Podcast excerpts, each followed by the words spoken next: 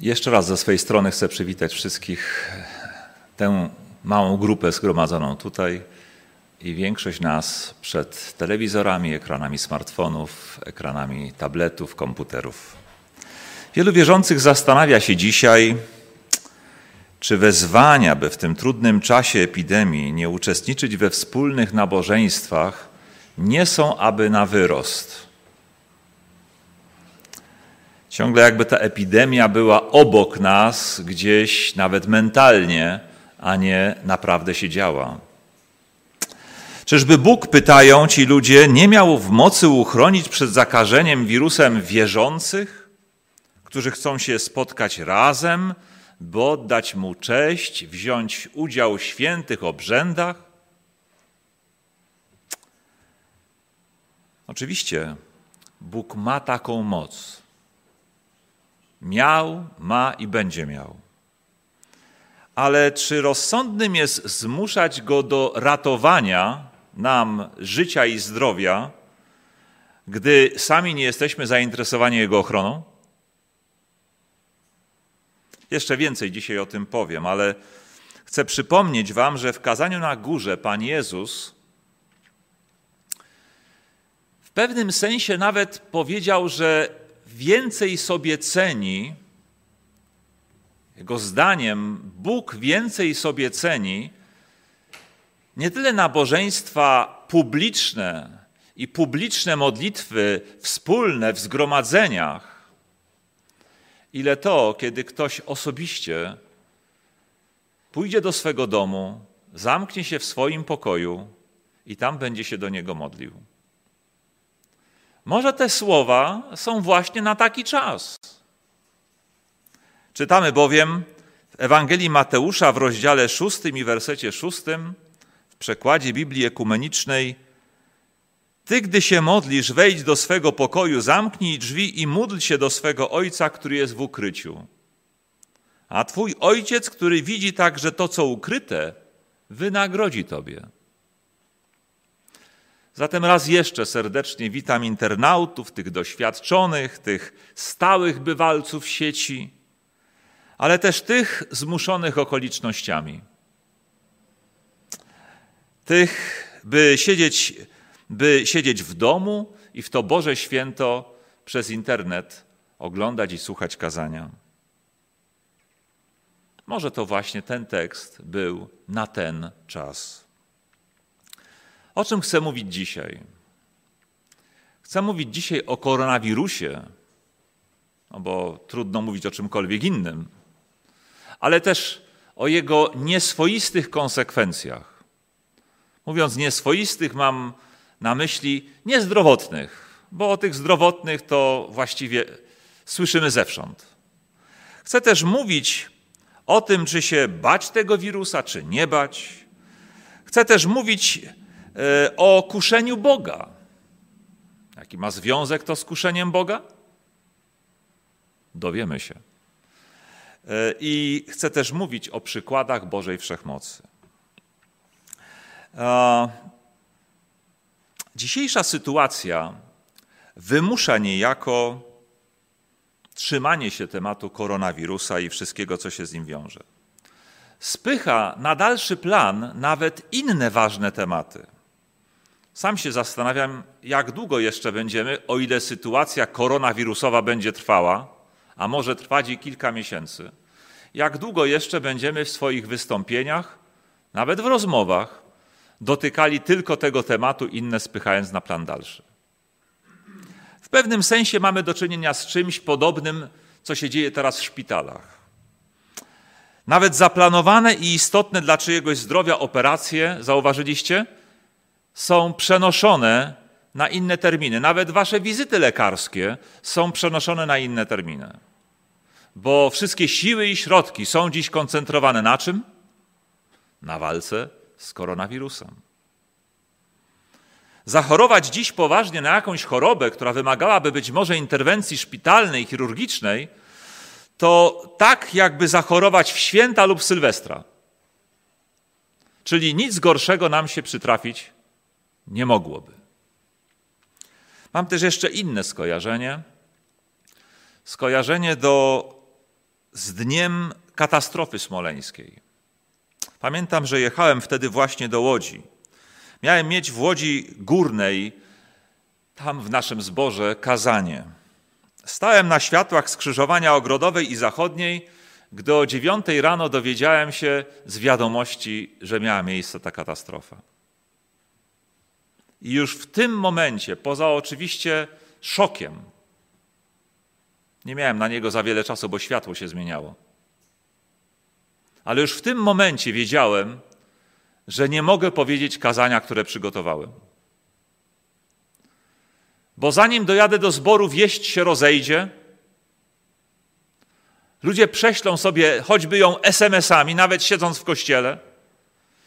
I gdy przyjdzie czas o 11, nie, wtedy tam to była godzina 12, mojego kazania, to już nikt nie będzie słuchał, o czym mówię.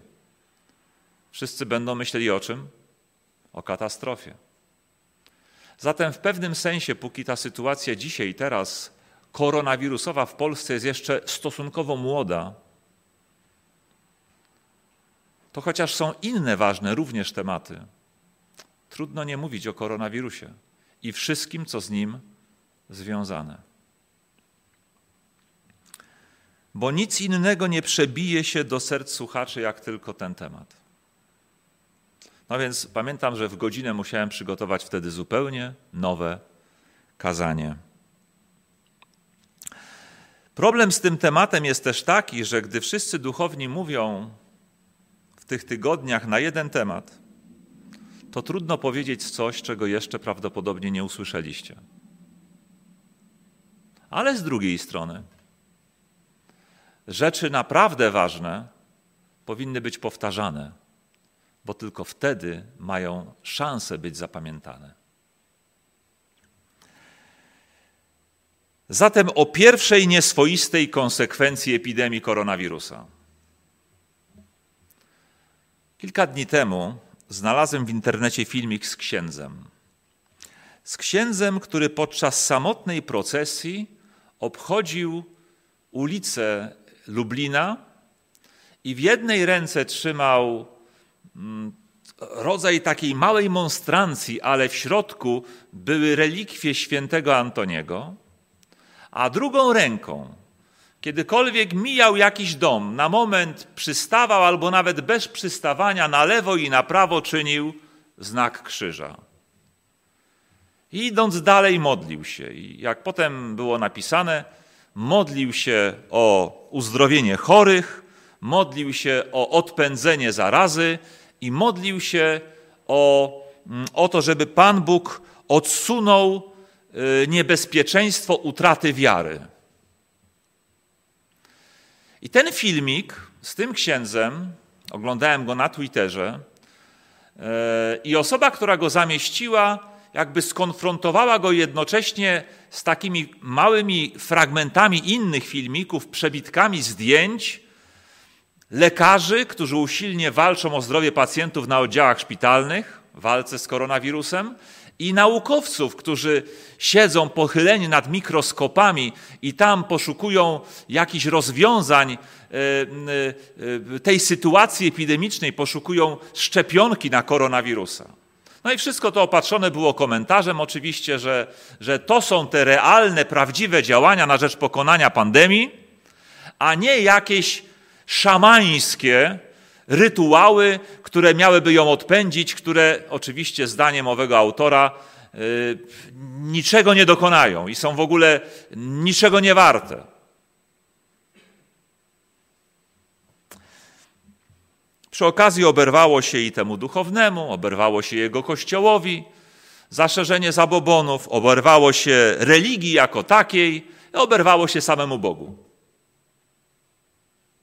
Wiecie, w pierwszej chwili miałem nawet ochotę przyłączyć się do chóru krytyków.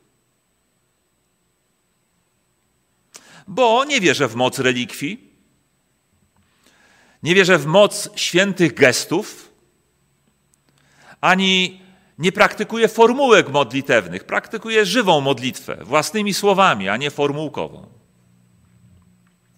Ale z drugiej strony pomyślałem, czy nie warto docenić tego księdza?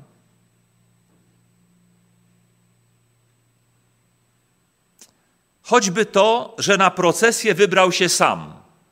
Widzieliście kiedyś procesję pojedynczą? Znamy przecież tłumy ludzi na ulicach. Oczywiście, ksiądz na początku, ale za nim tłumy. Słyszymy, media donoszą nam, że nadal są gdzieś w naszym kraju jakieś parafie, jakieś, jacyś księża, którzy planują nawet wbrew przepisom zebrać duże grupy ludzi, wybrać się w procesję. Znamy nawet takie obrazki z historii, z filmów historycznych, gdzie w średniowieczu, czy nawet później, gdzie miały, gdy dochodziło do jakichś właśnie epidemii, choćby czarnej śmierci, prawda, to wtedy co się działo?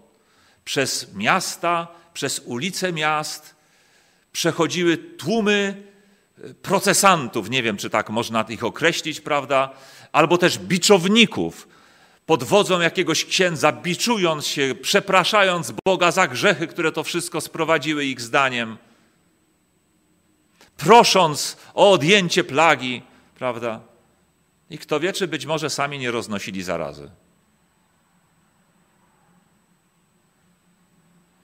I dzisiaj też są ludzie, którzy chcą może nie biczować się, ale w procesjach, w dużych zgromadzeniach modlić się o odsunięcie zarazy. A ten ksiądz posłuchał wezwania władz i poszedł na tę procesję sam, by modlić się tak, jak umiał, by zrobić to, co potrafi robić. Powinniśmy mieć o to do niego pretensje? Nawet jeśli nie praktykujemy tego w taki sposób jak on? Sądzę, że nie. Sądzę, żebyśmy, że, że, żebyśmy poszli w tym wszystkim za daleko. Że w tym wszystkim stanąłbym raczej po jego stronie niż tych, którzy go krytykowali, jednocześnie krytykując religię, wiarę i Boga w ogóle.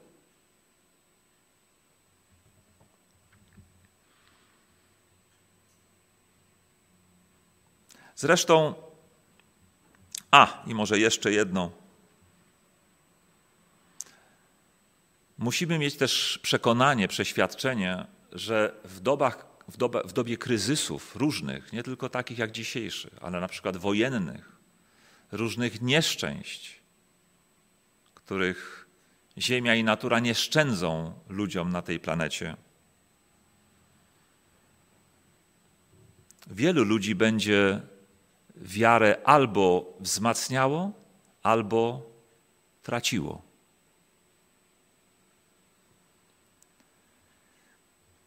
To jest powszechna reakcja w takich sytuacjach. Po doświadczeniu wojny wielu ludzi wzmocniło swoją wiarę, a wielu ją straciło. Ci, którzy tracili wiarę, oskarżali Boga, że ich zdaniem albo do tego nieszczęścia doprowadził, albo chociażby tylko do niego dopuścił, albo gdy trzeba było przeciwdziałać nieszczęściu, nic nie robił.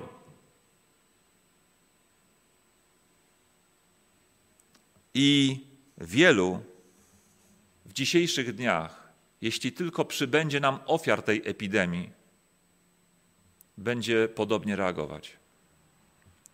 I już to widzimy. Po takich działaniach tego księdza krytykuje się nie tylko jego, ale jeszcze religię, kościół, kościoły i Boga.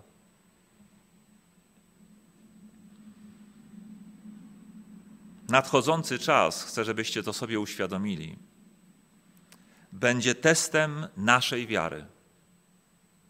Zarówno ja, jak i wy przed ekranami niedługo staniemy przed podobnym dylematem. Dalej wierzyć, czy już przestać wierzyć?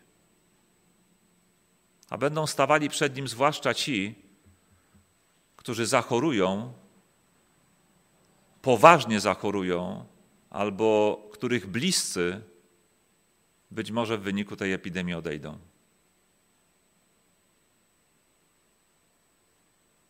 Przygotujmy się więc na odparcie wątpliwości, które niechybnie zaczną nas atakować. Okazuje się więc, że modlitwa owego księdza nie tylko o zdrowie, o odparcie zarazy, o uzdrowienie chorych, ale też o odsunięcie niebezpieczeństwa niewiary, wcale nie była bezsensowna. Szatan zawsze wykorzystuje nieszczęścia, które dotykają duże grupy ludzkie, do tego, żeby oskarżać Boga i skłaniać ludzi do niewiary, wyśmiewania religii i religijnych wartości.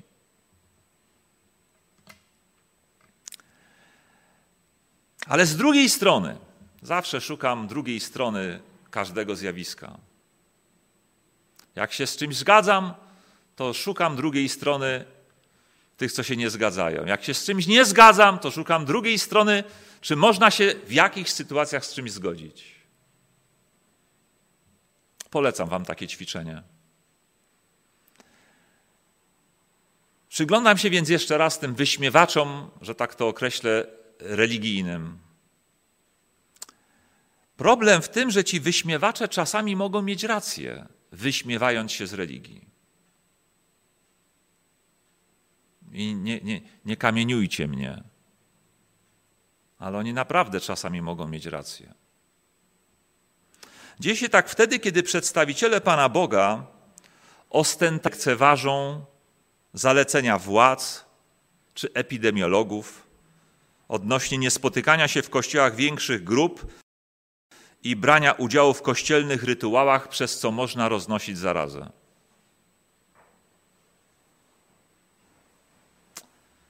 Chodzi mi chociażby o udział w Eucharystii, gdzie ci z nas, którzy jeszcze pamiętają, jak byli kiedyś katolikami, że ksiądz bierze komunikant do ręki i podaje wprost do ust.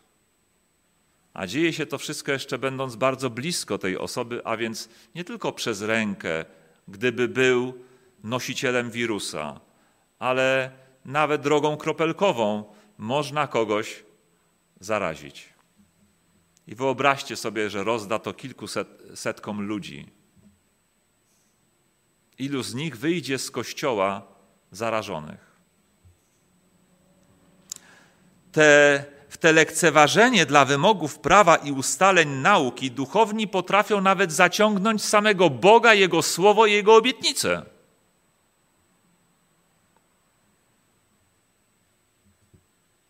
Mówią, że Bóg będzie chronił swój lud, że Bóg tak kocha swój kościół, że ktokolwiek do niego wejdzie, ktokolwiek będzie brał udział w świętym rytuale, przecież chyba nie na darmo jest święty. A więc wolno od wszelkiego skażenia. To Pan Bóg go ochroni. I chociaż padnie po Twojej lewicy, cytują tu Psalm 91, po Twojej lewicy tysiąc, a po prawicy dziesięć tysięcy, to ciebie to nie dotknie. Zatem przychodź i się niczego nie bój.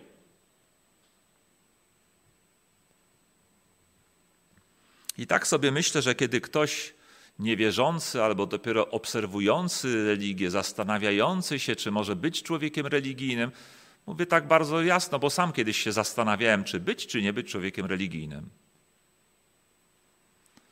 mógłby, miałby pewne, pełne prawo taką sytuację obśmiać, wyszydzić.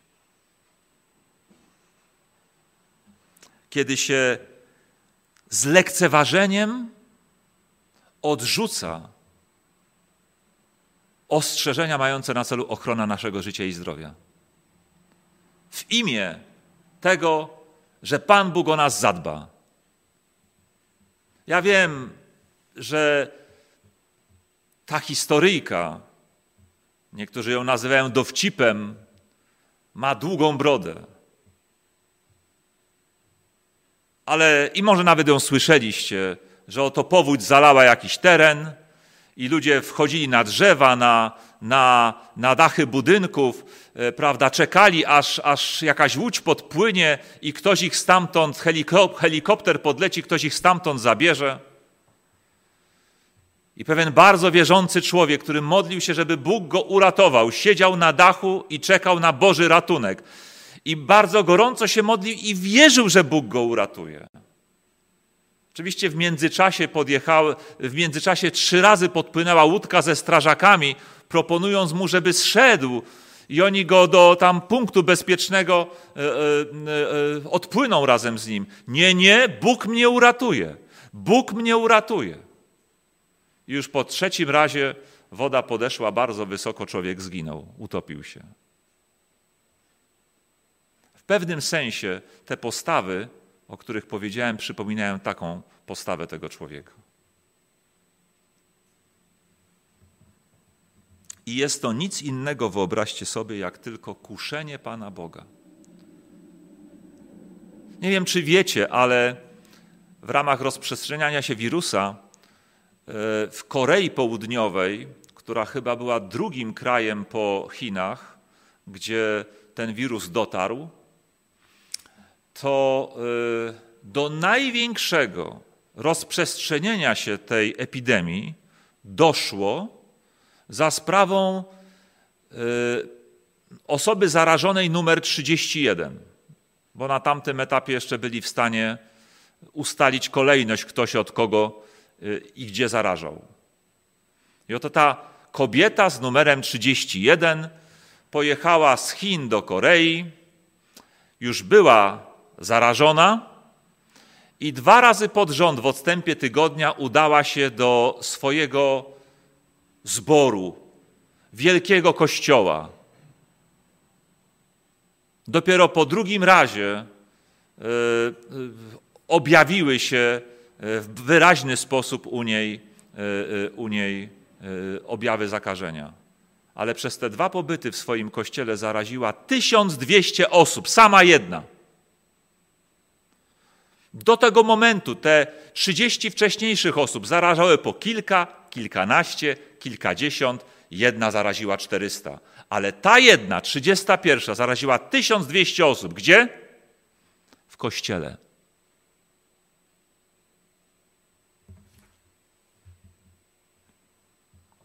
Nie kuśmy Pana Boga.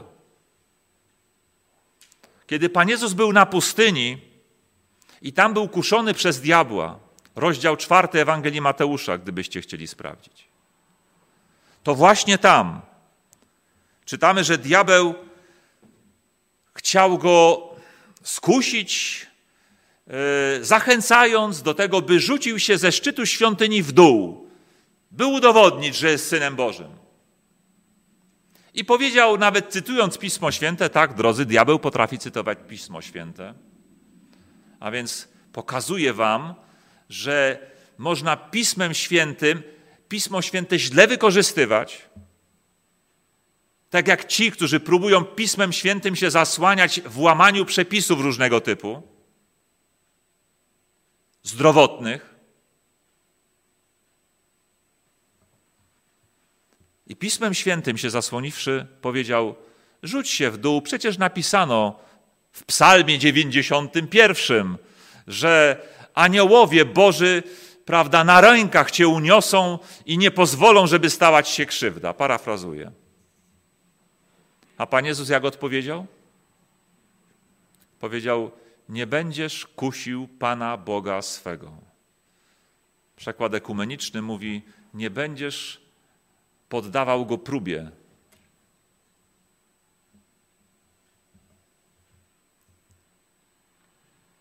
Czy łamiąc wszelkie zakazy władzy odnośnie pewnych do tej pory praktykowanych zachowań, ale jednak takich, które mogą sprzyjać rozprzestrzenianiu się epidemii. Te zakazy władzy, które bazują na wynikach naukowych badań, wynikach naukowych doświadczeń. Czy my nie żądalibyśmy, aby od Boga, żeby w cudowny sposób nas ratował? Od tego, co niechybnie nastąpi? Czy Pan Bóg ma naprawdę za mało do roboty we wszechświecie? Żebyśmy go zmuszali, by chronił nas, gdy my nawet siebie nie chcemy chronić? Czy to jest uczciwe?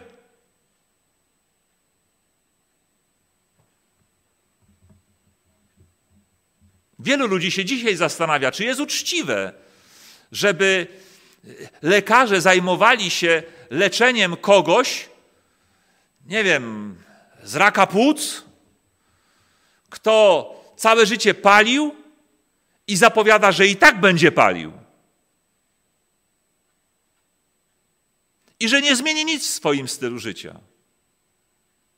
A wiemy, że na leczenie i w służbie zdrowia środków jest coraz mniej. Coraz mniej. I wielu ludziom odmawia się leczenia, wielu ludzi już nie mają za co leczyć. Ale póki co leczy się wszystkich równo. Czy sobie na chorobę zapracowali, czy nie? Ja nie chcę, żebyście mnie źle zrozumieli. Ja nie chcę wcale namawiać do tego. Ja tylko chcę po prostu pokazać pewne analogie. Pan Bóg ma naprawdę za mało do roboty, mając na głowie cały wszechświat? Ziemię, wszystkie zarazy, epidemie i nieszczęścia? Żebyśmy prosili Go o cud w sprawach, w których sami nie chcemy zrobić nic w swoim własnym interesie? I tych, co są koło nas? To nie jest uczciwe. To jest kuszenie Pana Boga, a Jezus mówi: Nie będziesz kusił Pana Boga. I żebyście nie pomyśleli, że tutaj skupiam się tylko na tych e, liderach religijnych innych kościołów, prawda, którzy takie rzeczy robią, to chcę powiedzieć, że my jako adwentyści Dnia Siódmego również możemy przyczyniać się czasami do wyśmiewania Pana Boga, naszego Kościoła, naszych zachowań. Wiecie kiedy? No spróbujcie sobie wyobrazić. Czas minął, to powiem. Ano wtedy, gdy pomimo całej wiedzy o wirusach, bakteriach, zarazkach i sposobach ich przenoszenia, dalej będziemy się upierali, nawet nieliczni z nas, do tego, by podczas wieczerzy pańskiej czyli spożywania soku gronowego, jedzenia chleba przaśnego, zdarzają się między nami ciągle ludzie, którzy mówią: My nie chcemy spożywać soku gronowego z kieliszków. My chcemy z jednego kielicha. A wiem, są zbory, które tylko kieliszków używają, a kielich stoi tylko symbolicznie. Ale są takie, gdzie używa się dla większości z kieliszków i dla tych, którzy się upierają przy kielichu, wędrujemy do nich z kielichem. A są takie zbory, które używają tylko kielicha. Obojętnie ile osób siedzi na sali. Ja się ciągle zastanawiam, czy po tej pandemii która za niedługo w Polsce ma szansę przybrać rozmiar włoskiej, a więc być może po tysiącach ofiar, dalej, gdy to wszystko minie, będziemy się zastanawiali, a czemu nie? Czemu nie jeden kielich? Pan Bóg nas ochroni.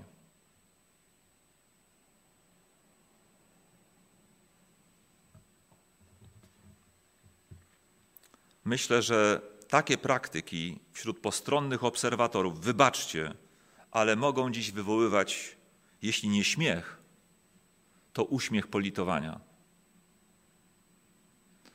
I oberwie się nie tylko tym nielicznym wyznawcom, którzy to będą chcieli czynić dalej, ale oberwie się całemu adwentyzmowi, z jego poselstwem zdrowia, oberwie się religii, wierze w Boga i samemu Bogu.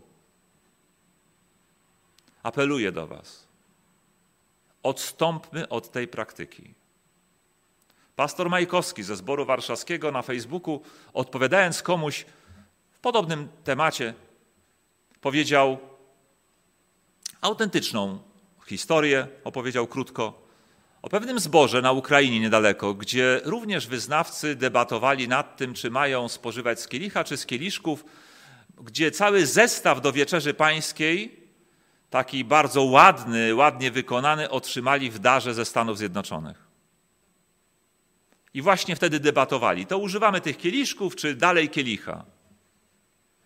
I ostatecznie przegłosowano, niewielką większością, ale przegłosowano, że zostajemy przy kielichu. I wtedy jedna z niedawno ochrzczonych wyznawczyń, świeżo właściwie ochrzczonych, podniosła rękę, powiedziała: To ja mam jedną prośbę, żeby ten kielich zawsze był podawany mnie na końcu. Żeby już nikt inny po mnie z tego kielicha nie pił. A dlaczego, droga siostro? Bo jestem nosicielką wirusa HIV. I wtedy ktoś zaproponował reasumpcję głosowania. I prawie wszyscy zagłosowali, że jednak będziemy pić z kieliszków. Trzeba wam więcej? Trzeba?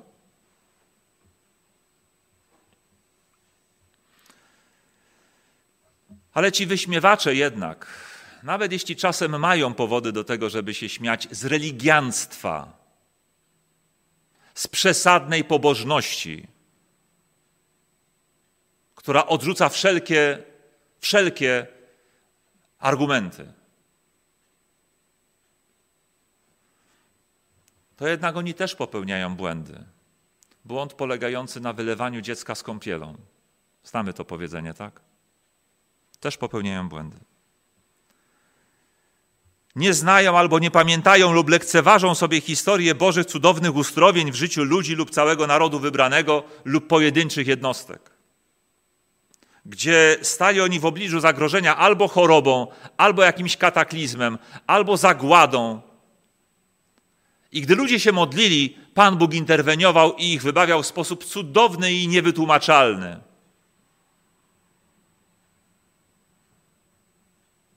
I mamy na to zarówno biblijne przykłady, jak i współczesne. I z tych biblijnych pozwólcie na takie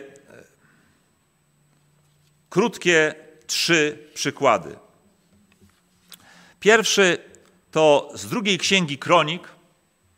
Otwórzcie ze mną drugą księgę Kronik. I tam rozdział 20.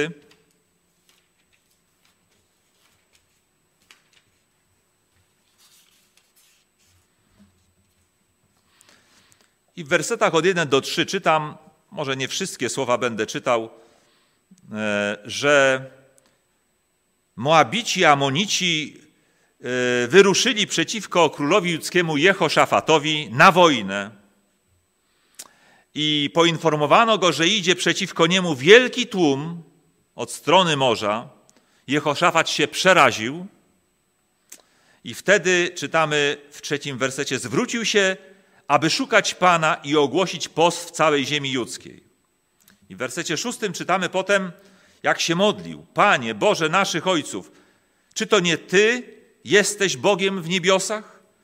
I nie Ty rządzisz wszystkimi królestwami ludów, a w Twej ręce moc i potęga i nie ma nikogo, który by się Tobie oparł? I potem w dwunastym wersecie czytamy dalszą część tej modlitwy. Nie ma u nas bowiem mocy w obliczu tak licznego tłumu, który idzie przeciwko nam, a my nie wiemy, co robić, lecz nasze oczy zwrócone są ku Tobie. Jehoszafat tylko w Bogu widział jedyną nadzieję. I potem w wersetach 22-22 czytamy o ratunku jako Bożej odpowiedzi na tę modlitwę. Czytamy, że wstali rano, wyszli na pustynię, i Jehoszafat powiedział do nich: Słuchajcie mnie, Judejczycy, mieszkańcy Jerozolimy, zaufajcie Panu, waszemu Bogu, a zostaniecie umocnieni. Zaufajcie Jego prorokom, a wam się powiedzie. No i lud radził się e, i chwalili Pana i wysławiali Pana, bo Jego łaska trwa na wieki. I werset 22 mówi tak. W czasie, gdy zaczęli śpiewać i chwalić Pana, Pan urządził zasadzkę na Amonitów i Moabitów i mieszkańców góry Seir, którzy wystąpili przeciwko Judzie i zostali pobici. Judzie grodziła zagłada albo chociażby niewola. Ale w poście i modlitwie i w wychwalaniu Pana prosili o ratunek, świadomi, że nie ma w nich żadnej mocy, by się temu przeciwstawić. Gdy myślimy o dzisiejszej sytuacji, to może czas właśnie na posty i modlitwy. Nie na wyśmiewanie księży, że chodzą z monstrancjami, jeśli nawet chodzą samotnie, by modlić się tak, jak potrafią. Niech każdy się modli tak, jak potrafi. Słucha rozsądnych zaleceń i modli się, jak potrafi. A Bóg dawał dowody na to, że może nas uchronić. Można przypomnieć sobie jeszcze historię Hamana z księgi, a właściwie ludu Bożego z czasów księgi Estery, gdy Haman nastawał na ich życie, wyszły dekrety, by ich wszystkich pozabijać, i znowu w modlitwie i kilkudniowym poście leżał ratunek. I Pan Bóg odpowiedział i odwrócił zagładę. Można przypomnieć sobie historię króla Hiskiasza z drugiej księgi królewskiej, z dwudziestego rozdziału, tam pierwszych siedem wersetów. Gdzie przyszedł do niego prorok Izajasz, powiedział: Szykuj się na śmierć, bo na pewno umrzesz. Tak mi powiedział Pan. A ten zaczął modlić się do Boga w szczerości, prosić go o to, żeby go to nie spotkało. I Pan Bóg wysłuchał szczerej modlitwy i odsunął ten wyrok od niego i dał mu jeszcze bodaj 15 lat życia. Możemy przypomnieć sobie historie wielokrotne z Nowego Testamentu, kiedy to Pan Jezus leczył, uzdrawiał, a nawet z martwych wzbudzał. Leczył kobietę, która się leczyła u mnóstwa lekarzy przez 12 lat bezskutecznie. Ilu takich jest dzisiaj ludzi? Którym nawet lekarze z całą swoją wiedzą nie potrafią pomóc. Ale gdy przyszła do Jezusa, gdy wyraziła swoją wiarę w Jego moc, Jego moc dotknęła się jej i została uzdrowiona. Przy okazji tamtej historii też nastąpiło zmartwychwzbudzenie córki jednego z przełożonych lokalnej synagogi.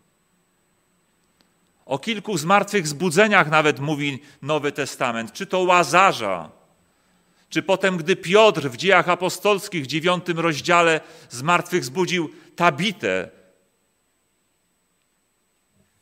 inaczej nazywaną Dorcas. Ktoś pomyśli, to są wszystko bajki. Pomyśli, to są wszystko bajki. Myślicie bajki? Że takie rzeczy się nie dzieją? To pozwólcie na taką krótką historię, którą kiedyś opublikowaliśmy w znakach czasu w rubryce Moc modlitwy.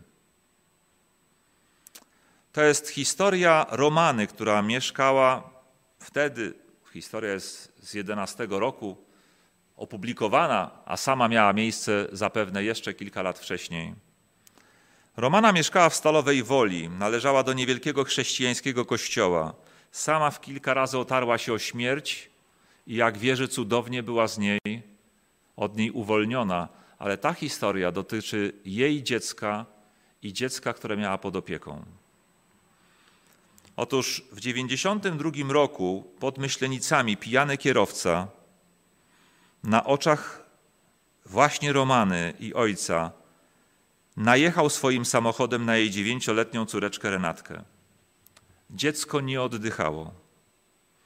Zdaniem Romany nie żyło i w tym straszliwym doświadczeniu prosiła Boga o moc do wytrwania. I po raz pierwszy w życiu właśnie wtedy nie wołała ludzi na ratunek, lecz Boga. I po około 30 minutach dziecko ponownie zaczęło dawać oznaki ży życia. Romana wierzy w to, że było to wskrzeszenie. Ale to nie koniec tego cudu. Gdy przyjechała karetka pogotowia ratunkowego, dziecko było w tak ciężkim stanie, że lekarz stwierdził, że może nie przeżyć drogi do szpitala. Przeżyło. A po trzech dniach Renatka została wypisana ze szpitala, a lekarze zgodnym chórem stwierdzili, że takiego cudu nigdy wcześniej nie widzieli. Ale to nie był koniec jej doświadczeń. Pół roku później Robert i Sebastian, jej synowie, też cudem uniknęli śmierci w wypadku drogowym. Ale to nie koniec jej doświadczeń. Był taki moment, taki czas w 2001 roku. O tak, e, mamy rok. Była piękna, upalna sobota. Wraz z przyjaciółmi z kościoła postanowiła udać się nad wodę i zabrała ze sobą córkę dzieci swojego znajomego. E, trójkę dzieci swojego znajomego. Po jakimś czasie beztroskiej zabawy w wodzie jedno z tych dzieci oddanych pod jej opiekę, najmłodsze, Konradek, zaczął tonąć. Niemal natychmiast został wyciągnięty przez kogoś z wody. Natychmiast rozpoczęto reanimację, bezskutecznie. Cudem tego dnia na plaży wypoczywali dwaj lekarze. Ordynator oddziału chirurgicznego szpitala w Stalowej Woli, dr Łopatka, z synem. Przejęli akcję ratowania życia. Mija około pół godziny, dziecko nie daje znaków życia. Byłem przekonany, że je straciliśmy. Całe było sine, brak oddechu, niewyczuwalne tętno i ciśnienie. Relacjonował to wydarzenie dr Łopatka. Nagle ku mojemu zdziwieniu złapało oddech. Jak to się stało? Otóż w tym samym czasie Romana się modliła cały czas. Nie potrafiłam mówić nic innego, jak tylko Panie ratuj. Świadomość, że to nie było moje dziecko, a dziecko oddane mi pod opiekę, dobijała mnie. I wtedy, gdy już byłam przekonana, że wola Boża jest inna, że dziecko nie wróci do życia, przypomniał mi się cud sprzed dwunastu lat, wskrzeszenie mojej własnej Renatki. Romana uklękła i powiedziała: Panie Jezu, wskrześ go, Ty masz taką moc, możesz to uczynić. I zaraz po tych słowach jakiś skurcz wstrząsnął ciałem małego Konradka i dziecko zaczęło okrztuszać i po jakimś czasie normalnie oddychać. To był ten moment, kiedy podczas, po pół godzinie reanimacji dziecko zaczęło oddychać. Resztę dnia i noc Romanek spędził, y, y, Romana spędziła z przyjaciółmi na kolanach, dziękując za to, że co Bóg uczynił i modląc się o jeszcze więcej, o całkowite uzdrowienie Konradka. Cieszyłem się tam na plaży, że go odzyskaliśmy, ale w szpitalu przygotowywałem rodzinę na to, że w takich sytuacjach na skutek długotrwałego niedotlenienia mózgu chłopiec może być już na zawsze fizycznie upośledzony, relacjonował dr Łopatka. To cud, że wyszedł z tego bez szwanku. Kolejny raz mnie to zdziwiło. Jestem przekonany, że można to uznać za cud. Konradek po kilku dniach całkowicie zdrowy opuścił szpital. A w kolejną sobotę był z rodzicami na nabożeństwie i czytał psalm: Panie Boże, wysławiać Cię będę, że wyciągnąłeś mnie z toni. Takie rzeczy się dzieją. I wyśmiewacze religii po prostu o tym zapominają. Biorą pod uwagę jednego, drugiego religijnego oszołoma i, za, i jakby oni stanowili o całości wiary i religii. A zapominają albo nie chcą widzieć cudownych dowodów Bożego działania nawet dzisiaj. Nie mówiąc już o tych opisanych powielokroć w Biblii. Tak to właśnie jest. Czy zatem mamy się bać tego wszystkiego, co dzieje się z epidemią koronawirusa? Czy mamy się bać tej epidemii i tego, co ma po niej nastąpić, bo to nie tylko epidemia jest zagrożeniem. Wszyscy przewidują, że po niej, a właściwie już się zaczyna, wielki kryzys.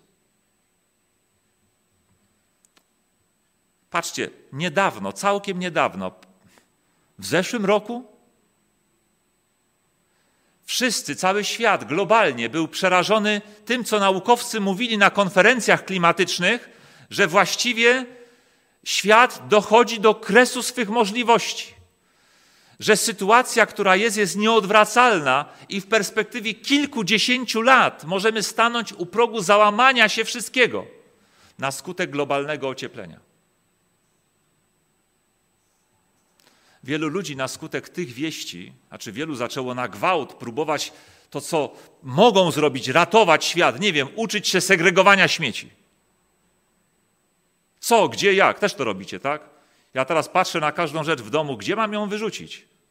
Do, te, do tego, do zielonego, żółtego czy, czy brązowego? Czy do niebieskiego? To taki test dla Was. Czy pamiętacie, co się kryje za tymi kolorami? Niebieskie to papier, brązowe to bio. Żółte to tworzywa i metale. Czarne to wszystko zmieszane. Zielonego nie było.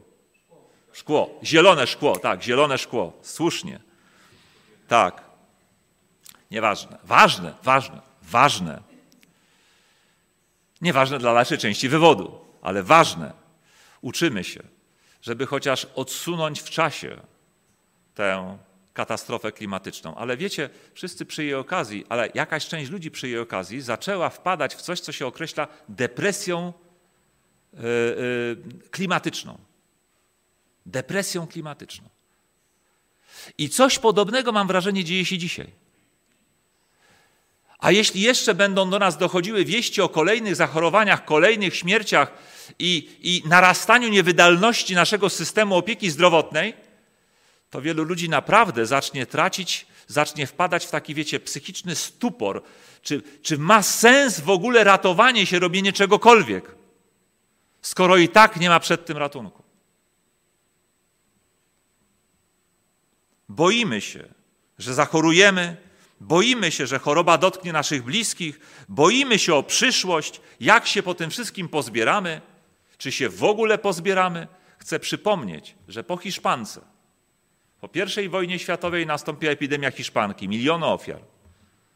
A za, nie zaraz po niej, ale kilka lat po niej e, świat dotknęła, dotknął kryzys ekonomiczny tak wielki, że gdy minął, przeorał świadomość, mentalność kilku narodów na świecie tak głęboko, że wybrali sobie na przywódców takich ludzi, którzy doprowadzili do wybuchu II wojny światowej. Bo po tym przeoraniu świadomości ludzie słuchali już tylko demagogów i populistów, którzy obiecywali, że wszystko naprawią. A to było pustosłowie. I ludzie dziś się boją, świadomi tamtych czasów. Nie tylko wirusa, ale że świat po wirusie już nie będzie taki sam. A jaki nie wiedzą. A nie wiadomo, a, a ta niewiadoma przyszłości, im większa, tym większy budzi lęk. Wydaje się jednak, i tutaj chcę, żebyście przeszli ze mną do Ewangelii Łukasza 25 rozdział, 21 rozdziału. Wydaje się jednak, że ludzi wierzących ten obecny stan rzeczy nie powinien w żaden sposób zaskakiwać. Przecież od lat czytamy choćby taki werset z 21 rozdziału, 11, 12. Nastaną wielkie trzęsienia ziemi, miejscami głód i zaraza. Na niebie ukażą się straszne zjawiska, wielkie znaki. Tutaj jakbyśmy mieli mowę o kryzysie klimatycznym i epidemicznym w jednym wersecie. Na niebie wielkie znaki. Przecież kryzys klimatyczny bierze się z tego, co się dzieje między innymi w atmosferze. I wielkie zarazy. A potem czytamy werset 25. Będą też znaki na słońcu, księżycu, gwiazdach, a na ziemi lęk bezradnych narodów z powodu huku morza i nawałnicy. Ludzie ze strachu będą odchodzić od zmysłów w oczekiwaniu wydarzeń zagrażających ziemi, bo moce niebios zostaną poruszone. I wtedy zobaczą Syna Człowieczego przychodzącego na obłoku z wielką mocą i chwałą. A gdy to się zacznie dziać, umocnijcie się i podnieście głowy swoje, ponieważ zbliża się wasze odkupienie. Dla naśladowców Chrystusa, którzy znają Pismo Święte, to, co się dzieje dzisiaj, nie powinno być zaskoczeniem, a jedynie odbieramy to jako wypełnienie Bożych zapowiedzi, znaków zbliżającego się końca tego świata. z naciskiem na tego świata, bo nie końca świata w ogóle, ale tego świata, jaki znamy, ale jego koniec będzie początkiem Królestwa Bożego.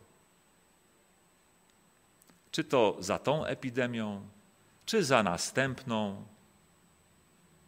wojną światową, która była, czy kolejną, która przyjdzie, czy jakimś innym kataklizmem, ale koniec końców Chrystus powróci.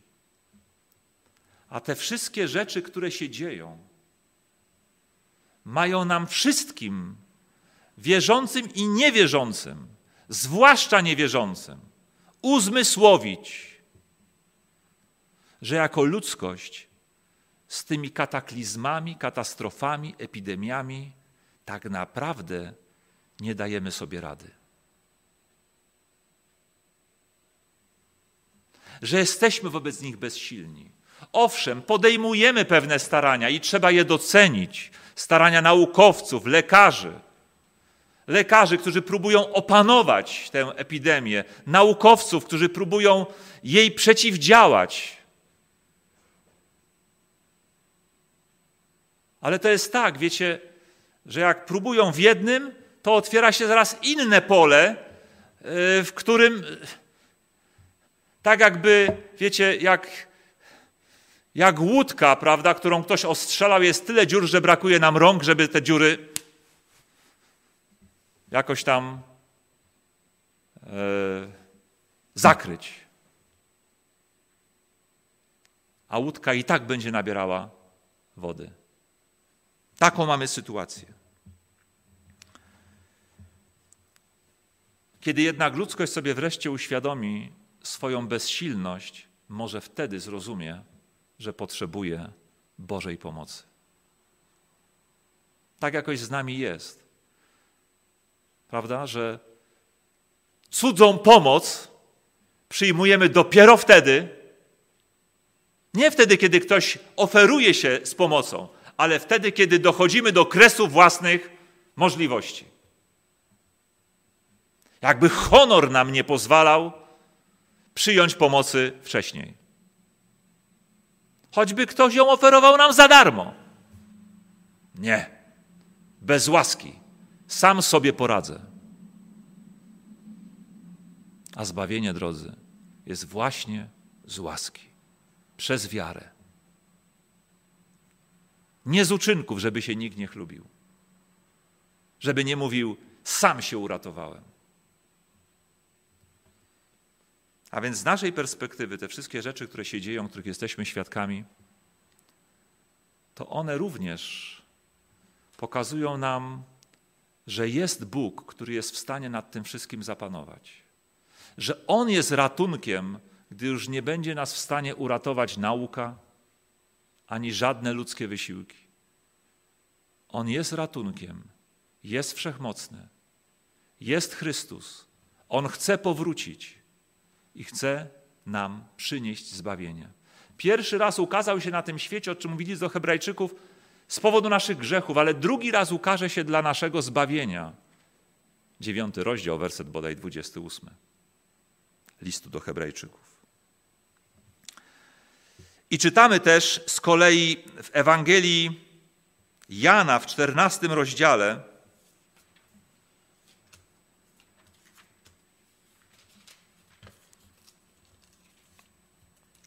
w czternastym rozdziale Ewangelii Jana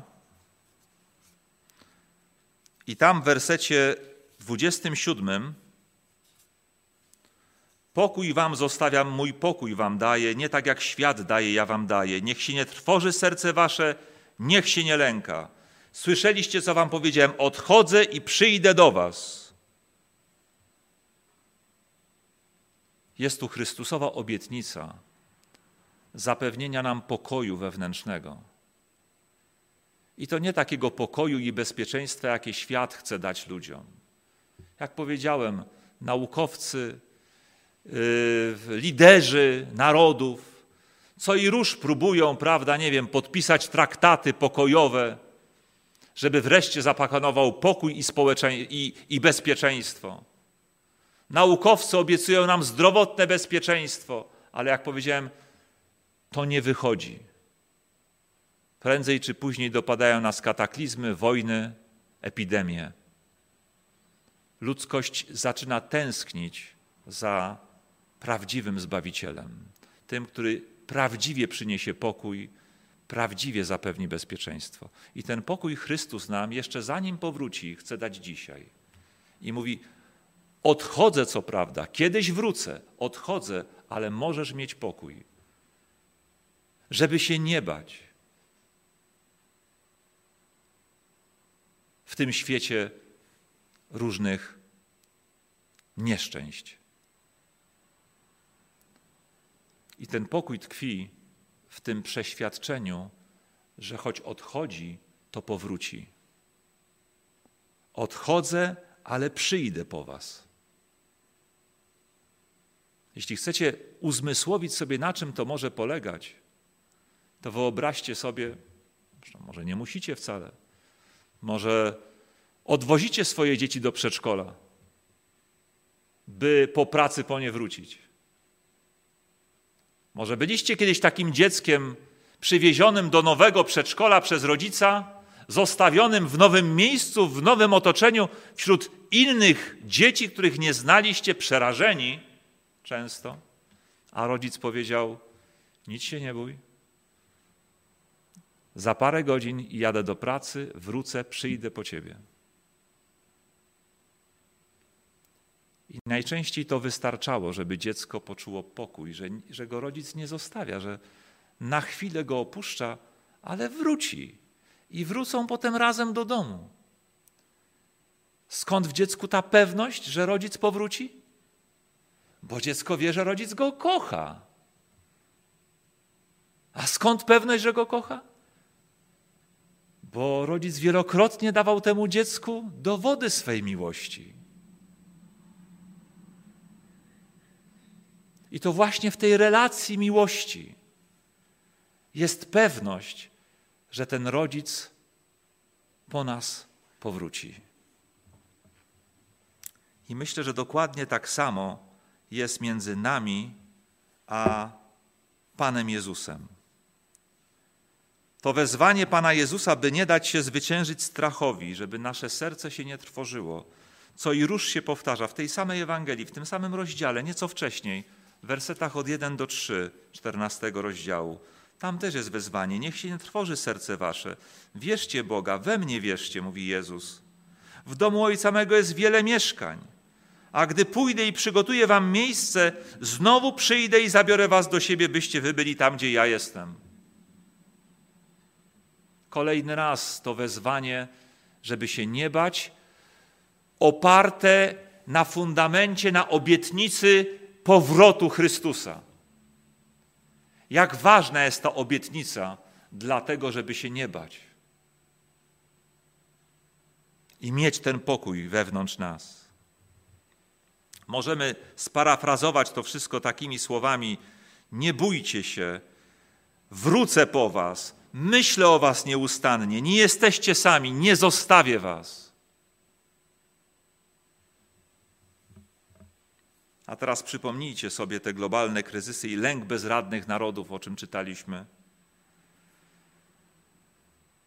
Że został już dawno temu ten lęk bezradnych narodów, że przyjdzie taki czas zapowiedziany. I gdyby ktoś jeszcze nie wiedział, w jakim celu Pan Jezus zapowiedział te wydarzenia, to w tym czternastym rozdziale, wersecie 29 są takie słowa. Teraz wam mówię, zanim to nastąpi, abyście uwierzyli, gdy to się stanie. Dla tych wszystkich niedowiarków. To, co się dziś dzieje, zostało zapowiedziane. Po to, drodzy niedowiarkowie, żebyście mogli uwierzyć. Szukacie racjonalności dla swych postaw, idei, które chcą rządzić waszym życiem? To tu macie racjonalność. Ktoś to przewidział dawno temu. I to się dzieje. Czy to nie świadczy o wiarygodności Słowa Bożego, Biblii, słów Jezusa? Podsumowując, drodzy, bać się czy nie bać? Nie jest dobrze z tą epidemią, a będzie jeszcze gorzej. Nie mówię nic nowego, powtarzam za ministrem i premierem. Narasta lęk o przyszłość, ale ten lęk nie powinien zdominować naszego życia. Czasem trzeba być może się trochę pobać, żeby docenić, dostrzec to, co najważniejsze w życiu. A najważniejsza jest nasza relacja z Bogiem, z naszym boskim rodzicem. Jeśli ją masz, żaden lęk nie będzie ci straszny. Jeśli jej nie masz, to ją nawiąż. Przecież może nawet nie chodzisz teraz do pracy.